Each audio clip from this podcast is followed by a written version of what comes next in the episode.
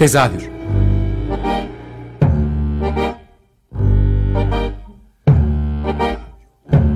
İstanbul tiyatro hayatı üzerine gündelik konuşmalar. What keeps mankind alive? What keeps mankind alive?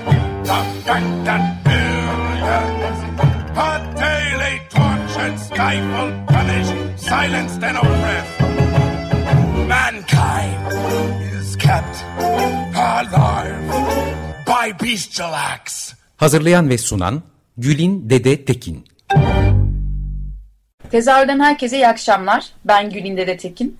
Bu akşam tezahürde İlksen Mavi Tuna ile beraber yurt dışından bir konuk ağırlayacağız. Ee, öncelikle İlksen konuğum olduğu için sana teşekkür ederim. Ben teşekkür ederim. Ee, sonrasında da e, Belçika'da kültür sanat gazeteciliği yapan, özellikle de tiyatro ve performans sanatları üzerine e, yazıları olan Philip Thielens konuğumuz olacak. Kendisi aynı zamanda bir tiyatro eleştirmeni.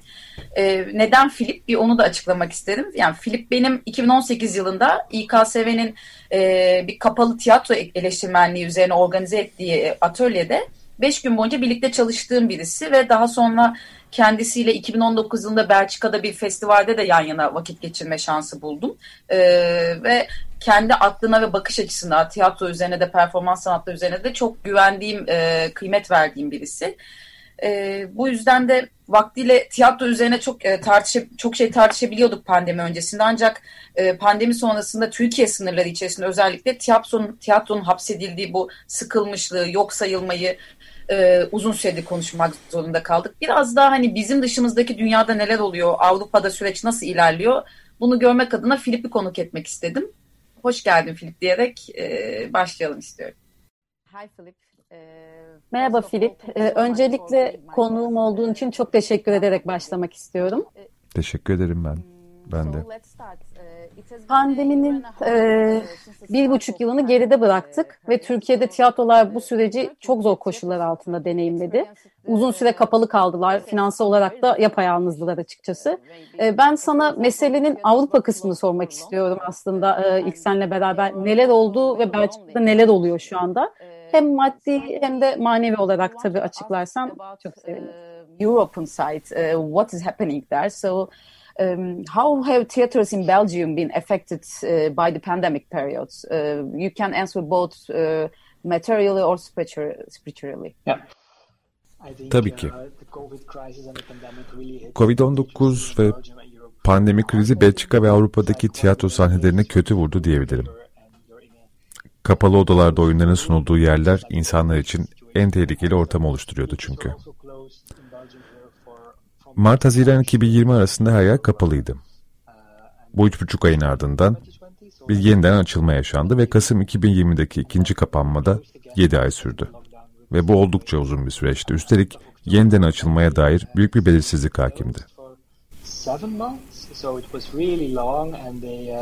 Was they uh, a lot of uncertainty when they can reopen again and then beginning of May they were this year 2021 Sonra 2021'in Mayıs'ında bazı tiyatrolar kapılarını açmaya başladı. Küçük gruplar misafir edildi. Temmuz'dan bu yana ise açık hava mekanlarda 200 kişilik gösteriler düzenleniyor. Ve yeni sezonla birlikte şimdi yeniden normale dönülmeye başlandığını söyleyebiliriz. Salonlar açık. 1 Ekim itibariyle Belçika'da kısıtlamaların çoğu kalkıyor. Artık iç mekanlarda bile maske takılmıyor ve tam kapasiteye geçildi. Yani durum şu an yeniden normale döndü ve umarız ki böyle kalır. Kış gelince kapanmalar yaşanmaz ve Belçika'da tiyatrolar kapılarını kapatmak zorunda kalmaz. Gördüğüm kadarıyla tiyatro gruplarının organize ettiği protestolar da yaşandı geçen zamanda. Ee, özellikle kısıtlamalar sırasında kültürel kurumlara yönelik ayrımcılık konusunda ses çıkardı tiyatrolar. Bize biraz bu hareketten bahseder misin? Neydi kalkış noktası?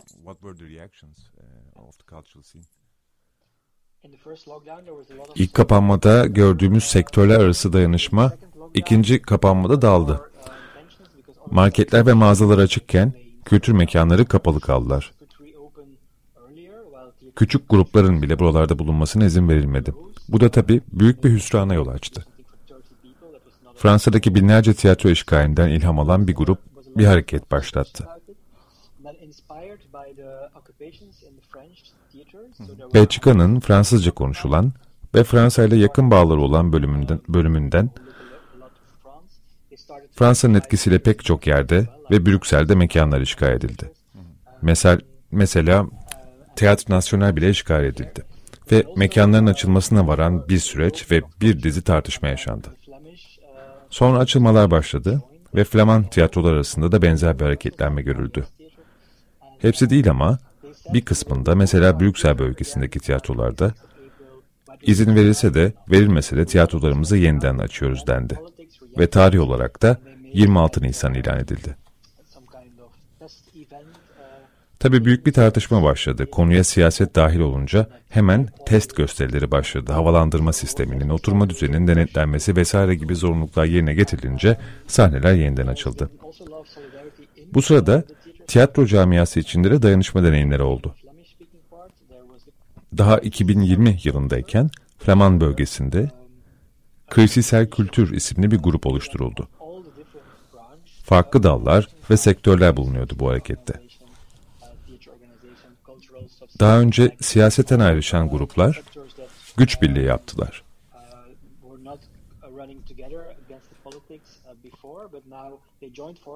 Ve böylelikle siyaseti de hareketlendirmiş oldular. Bu yılsa daha militan bir hareket ortaya çıktı. Still Standing for Culture. Bu grup ağırlıklı olarak Fransızca konuşanlardan oluşuyordu. Sokakta eylemler yaptılar, partiler düzenlediler ve siyaseti kültür için harekete geçmeye zorladılar. Sonra Flamanlar da harekete katıldı. Ve Still Standing for Culture, kültürü yeniden politik gündeme taşımış oldu. Bu sayede ekonomi öncelikli bakış açısına karşı bir kazanım elde edildi. thing uh, uh, politicians look after. Uh, it was economy first and uh, uh, cafes and restaurants, and, yeah. but culture there was there wasn't a really a sense of urgency about it, so there was a lot of complaints about that. Peki bu tepkilere ve gösterilere izleyicinin dahli nasıldı? During this, yeah, the reactions audience was sitting at home. Um, Seyirciler evde oturuyordu aslında. Zira her yer kapalıydı ve beklemek zorunda kaldılar.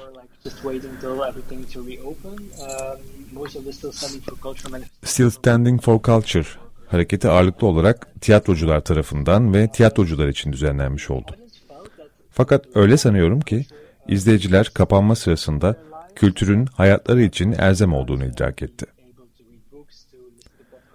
Canlı yayınlar, podcastler o sırada büyük bir ilgi gördü. Zira kültür olmadan hayat o kadar da ilginç olamıyor. Politika kültürü yok sayarken izleyiciler kültür üretimini ön saflara çıkardı. Bunu özellikle gazetelerdeki köşe yazılarından takip edebildik. Ama tabii çoğu izleyici açılmaya kadar evde kalmak zorundaydı. Her şeyin normale döndüğünü söyledin. Peki ya izleyiciler? Onlar da salonlara döndü mü? Bunu söylemek zor. Zor bir konu yani. Zira izleyici sayısı eskisi gibi değil. Geçen hafta gazeteme bir makale hazırlarken bir dizi kültür merkezi ve konser salonundan yetkiliyle görüştüm. Bilet satışlarının eskisi gibi olmadığını, seyirci sayısının aşağı yukarı yüzde otuz azaldığını söylediler. Bilet alanlar da son dakikaya kadar bekliyorlarmış. Normalde sezon başlarken toplu bilet alımları olurdu. Tabii bir de ellerinde iptal edilmiş ya da ertelenmiş etkinliklerin biletleriyle bir sonraki gösteriyi beklediği için bilet almayan bir kitle var.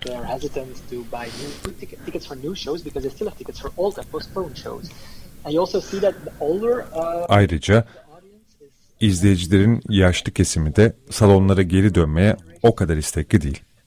Daha çok gençler geliyor. Aslında yaşların hepsi aylar öncesinde aşılandığı için tam tersi olması beklenirdi. Sanırım daha yaşlı olan nesiller daha dağılmış haldeler ve salonlara geri gelmeleri pek kolay olmayacak.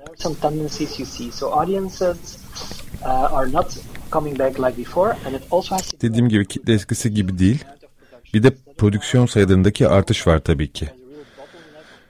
Bardak adeta taştı bu konuda. Ertelenen bir sürü gösteri ve konser şimdi şimdi düzenleniyor. Bu arada kimi organizatörler şunu da ekledi. İnsanlar şu an sadece partilere gitmek istiyor. Hakikaten böyle bir eğilim var ağırlıkta. Daha karşılıklı sosyal aktivitelere katılıyorlar. Dolayısıyla herkes izleyicinin dikkatini çekebilmek için birbiriyle yarışır vaziyette. Belki havalar soğuduğunda salonlara gelmek daha eğlenir bir şey olacak ama durum şu anda biraz karışık.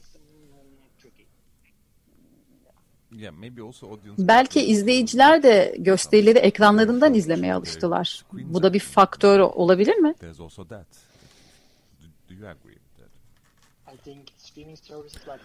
Evet, Netflix ve Disney Plus gibi hali hazırdaki streaming platformları oldukça yaygın ve sevildiler.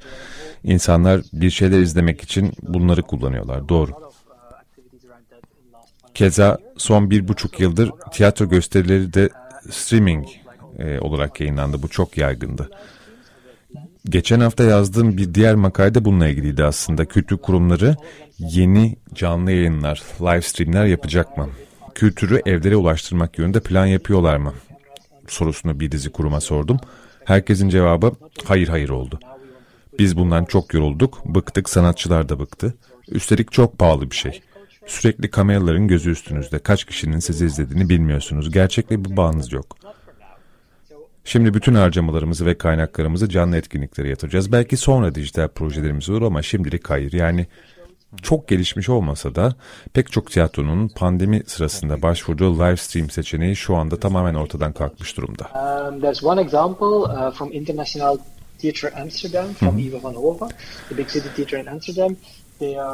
Belçika'da bir örnek var sadece bunun tersi. Mesela Amsterdam'daki Ulusal Tiyatro, International Theatre Amsterdam, Kapanmalar sırasında dijital yayın yapmışlardı Italive üzerinden. Amsterdam'dan bütün dünya yönelik live streamler gerçekleştirmişlerdi ve 73 ülkeden 11'in üzerinde izleyicileri oldu. Onlar bırakmıyorlar mesela live stream'i. Bu sonbaharda 4 gösterilerin live stream'i oldu. Ki bu konuda kendimi çok şanslı hissediyorum. Zira her gösterilerinde kalkıp Amsterdam'a gitmem gerekiyordu. Türkiye'ye geliyorlar bu arada. Tiyatro festivali için değil mi? Evet evet. Harika. İşte onlar dijitali bırakmayacaklarını söylediler. Zira dijital artık üçüncü sahnemiz diyorlar. Zira dünyanın farklı yerlerine ulaşma imkanı normalde bulamadıkları bir izleyici grubuna ulaşma imkanını buldular bu şekilde. Ee, Hollanda ve Belçika'da live stream'den tamamen vazgeçmeyen bir onlar kaldı. Peki o zaman biraz da dijital tiyatro üzerine konuşalım istiyorum. Türkiye'de bu çok tartışıldı son dönemlerde.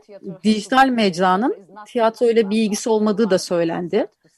Bu sırada dijitalle birlikte yeni olasılıkların peşine düşen, dijitalde yeni biçimler arayan gruplar da çıktı ortaya tabii. Live stream'den öte dijital tiyatroyla da tanıştık. Belçika'da veya Avrupa'da peki bu nasıl gelişmeler oldu bu bakımdan? Not live stream. So, uh, what is how is this in Belgium or European side? Uh, did you uh, met new plays that you haven't seen before or There were some initiatives apart from live streams. Uh, live stream'in ötesine geçen girişimler oldu evet. Zoom tiyatroları yapıldı mesela. Başarılı örnekler de çıktı üstelik. Instagram'da bir prodüksiyon oldu. Bir Macbeth prodüksiyonuydu bu. Bir kukla oyunu kumpanyası. Hem çocuklar hem yetişkinler için gösteriler yaptılar. Günlük Instagram hikayeleri ve paylaşımlarını işin içine kattılar. Oldukça kompleks bir iş olduğunu da söyleyebilirim üstelik. Hem video stream'i yaptılar, hem gösteriye özel hesaplardan bağlantılar ve hikayeler paylaştılar. Oldukça başarılıydı that did it really well actually. Um, and another example um, is Skagen, the company bir diğer örnekte Skagen kumpanyası. Onlar da e, bir izleme uygulaması Watch App yayınladılar. İlk önceleri uygulama içinde yayınlandı gösteriler. Sonra metin bazında diyaloglar ilettiler. Ve iki hafta boyunca karakterlerin mesajlaşmalarını izledik mesela bu uygulama üstünde. What they say are watch apps and they made um, it's like an, with an bu WhatsApp'in içinde metin akışı da söz konusu oldu. Mesajlaşmaları izleyebiliyordunuz mesela karakterler arasında. Tepki veremeseniz de takip edebiliyordunuz. Chat odasında bir chat odası vardı. Bir ailenin yazışmalarını okuyabiliyordunuz. Ailenin küçük kızı ortadan kaybolmuş. İşte diğerleri de onu arıyor. Birbirlerine fotoğraflar, videolar gönderiyorlar. Bu şekilde takip ediliyordu oyun. Biçimsel bakımdan oldukça başarılı olduğunu söylemem lazım. Epey de heyecanlıydı zira her gün kızı bulup bulamadıkları ile ilgili güncellemeler alıyordunuz.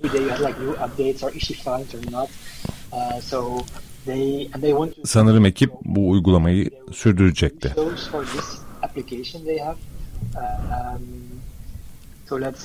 Bakalım gelecekte neler olacak. Türkiye'de de benzer bir şey yapıldı aslında. WhatsApp aracılığıyla ve 3 gün boyunca sürdü. Yanlış hatırlamıyorsam 6 karakter vardı. Birbirlerine mesajlar ve fotoğraflar gönderdiler. E, izleyiciler de bu akışı takip etti. Bahsettiğine çok benzer bir uygulamaydı. İşte böylesi yeni biçim arayışları çok ilginçti. Peki ya e, festivallere ne oldu bu arada? Avrupa'da hiç festival görme şansın oldu mu?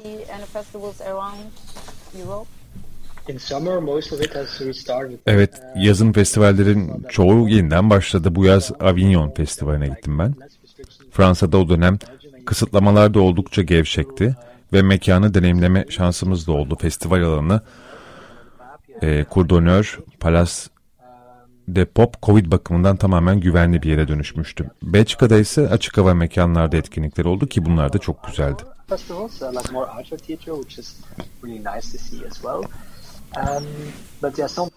Tabii pek çok festival kötü etkilendi durumdan.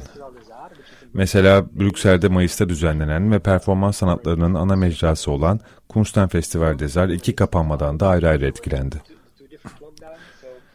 Ve Haziran'da ekstradan bir festival haftası yapmak durumunda kalıp kaldılar. Ertelenen gösterileri sundular burada da.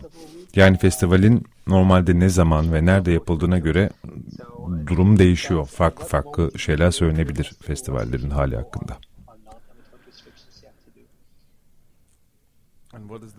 Peki şimdi görmek için heyecan duyduğunuz yakın dönemli etkinlikler neler? Belçika, Hollanda ya da Fransa'da?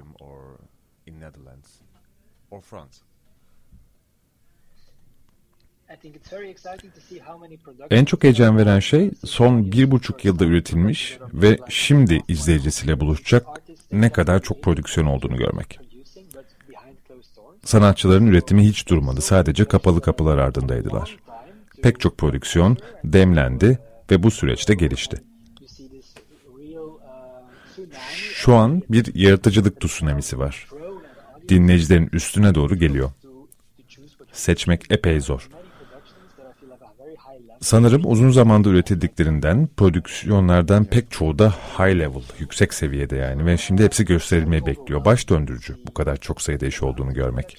Geçen aylarda bunlardan bir kısmını görme şansım oldu ve yakın zamanda daha fazlasını görmeyi de ümit ediyorum. E, sormadan da geçmeyelim, atladık aslında. Devletin bu süreçte sanat ortamına katkısı nasıl oldu? E, büyük ve high level prodüksiyonlardan bahsediyorsunuz. Bu nasıl mümkün oldu e, bütün bu süreçte? Zira pek çok manada bir felaketin içinde olduğumuzu konuşuyoruz.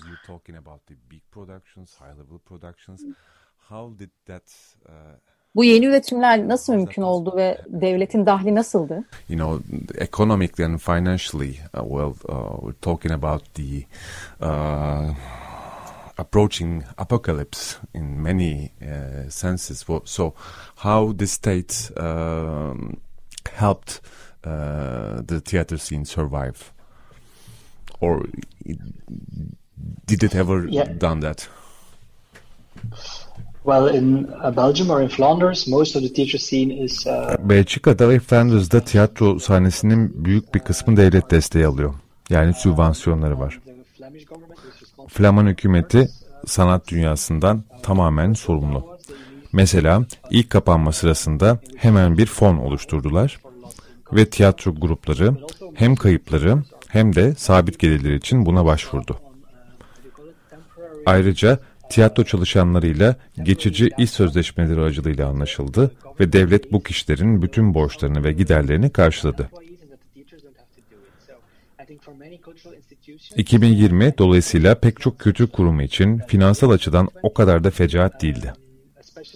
Zira üretim masrafları azaldığı için devletten elde ettikleri gelir yeterli oldu pek çok kurum için ama mesela Kunstan Festival Dezer gibi bir kurum yıllık kazançlarının dörtte üçü uluslararası turnelerden geliyor bunların. Ee, bütün bu etkinlikleri iptal oldu. Doğal olarak çok kötü etkilendiler. Yaklaşık 300 gösterileri iptal oldu.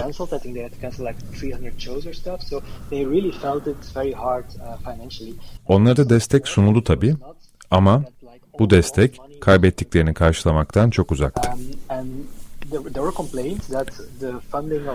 Bir de tabii şunu söylemek lazım. Şöyle şikayetler var. Hükümetin sunduğu destek fonlarının çoğu büyük yapılara aktarıldı ve bağımsız tiyatrolar pek de bir şey göremedi.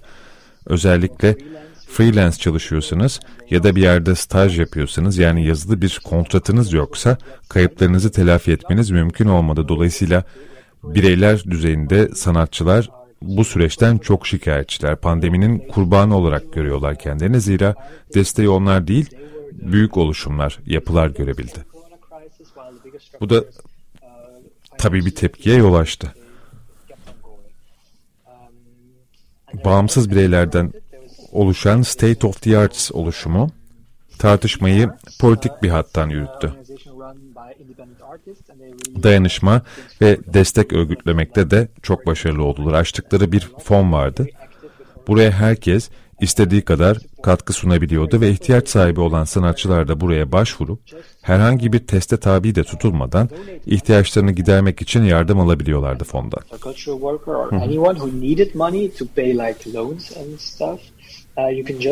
ask for that money and without any further questions uh, needed you can Hükümetin açtığı fondan apayrı bu fona ekstra olarak tamamen bağımsız bir girişim ve dayanışmayla söz konusu oldu. Uh, uh, bir başka yeni girişim daha var ondan da bahsedelim. Podium 19. Dijital bir televizyon alanıydı burası. Yedi büyük sanat grubu tarafından kurulmuş bir yer epey büyük kurumlar ve altyapılardan oluşan bir konsorsiyum gibi Fla Flaman hükümetinden yeni bir fon olarak Podium 19'u devreye soktular. 2021'in Şubat ayından Nisan ayına kadar faaliyet gösterdiler. Hem televizyonda hem de çevrim içi olarak çalışan dijital bir kanal. Gün başına 3 ayrı önceden ve sadece bu mecraya olarak kaydedilmiş prodüksiyonu gösterdiler burada. Mesela işte her akşam bir pop ya da klasik konser, bir de tiyatro gösterisi izleyebilirdiniz. Ve bu bir ilkti. Canlı projelere yer veren bir kültür kanalımız daha önce hiç olmamıştı. Üstelik korona krizi sırasında üretilmiş taptaze işleri barındırıyordu. Çok da başarılı oldu. En az 2 milyon kişinin en az 15 dakika burada bir gösteriye katıldığını biliyoruz.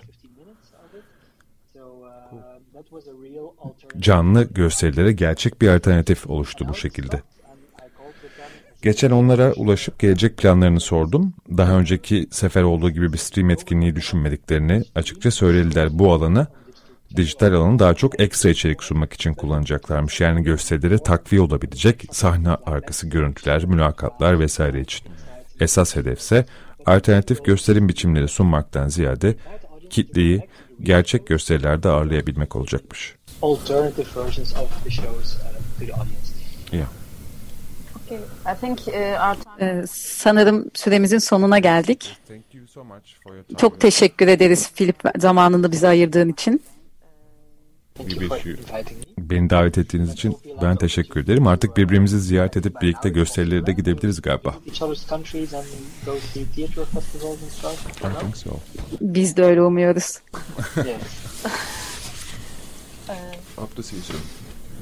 Görüşmek üzere.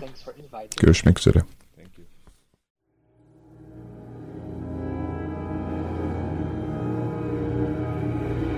Tezahür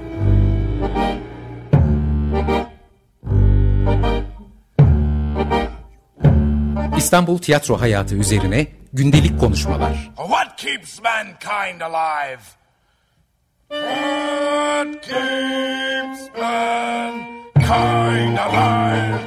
affected billions are daily tortured, stifled, punished, silenced, and oppressed. Mankind is kept alive by bestial acts. Hazırlayan ve sunan Gülin Dede Tekin